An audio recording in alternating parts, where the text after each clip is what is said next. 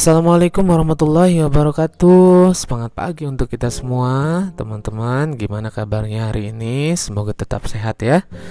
Karena pada episode kali ini Kita akan membahas tentang Pertanyaan yang sering Ditanyain oleh Sekian banyak orang dalam kehidupannya Barangkali teman-teman ketika sore hari atau pagi-pagi sempat kepikiran Kenapa ya orang kok mudah banget kayaknya kalau menetapkan tujuan, kemudian bisa mencapai tujuan tersebut. Nah, di sini saya akan ngebahas tentang salah satu konsep yang terkenal untuk merumuskan tujuan secara efektif. Konsep ini bernama SMART.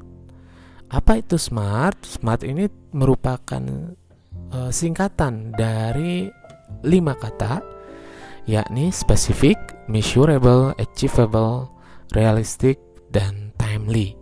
Konsep ini pertama kali digunakan oleh George T. Doran pada tahun 1981.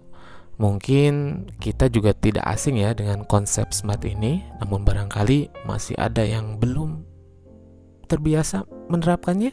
Mari kita bahas satu persatu. Pertama, spesifik. Tujuan yang kita tetapkan harus jelas dan spesifik. Jelas atau kejelasan ini akan membantu menguraikan apa yang akan kita lakukan, sedangkan spesifik akan membuat segala upaya kita fokus pada target yang akan dicapai. Yang kedua, measurable. Apa yang ingin kita capai haruslah bisa diukur. Ingat, bahwa sesuatu yang tidak bisa diukur tidak akan bisa diatur. Misalnya, seberapa kuat, seberapa sering, seberapa banyak, seberapa dalam. Sering-seringlah meluangkan waktu untuk menghitung hal tersebut dan mengkonversinya kepada bentuk data sehingga kita bisa mengukur itu dengan efektif mana waktu-waktu yang bisa kemudian menjadi golden time untuk kita bisa mengoptimalkan kinerja, mana yang waktu itu bisa untuk kita bersantai sejenak. Yang ketiga adalah achievable, yakni tujuan yang kita tetapkan haruslah bisa dicapai. Dengan begitu, kita akan berkomitmen untuk mencapainya dengan sungguh-sungguh. Jangan sampai kita menetapkan tujuan yang tidak mungkin dicapai, karena hal ini bisa menjadi demotivasi bagi diri sendiri, dan kalau kita bekerja dengan tim, bisa saja mendemotivasi tim. Oleh karena itu, bijaklah dalam melakukan ataupun menetapkan uh, hal-hal uh, yang perlu dicapai. Kemudian, yang keempat adalah realistik. Nah, realistik ini dalam kata lainnya masuk akal ya. Adalah yang harus kita penuhi untuk tujuan yang ingin kita capai.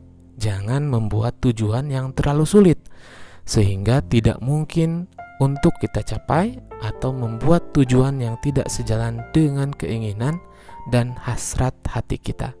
Mulailah sesuatu yang memang itu sangat kita sukai sehingga kita mendalami dan mencintai aktivitas kita sehari-hari.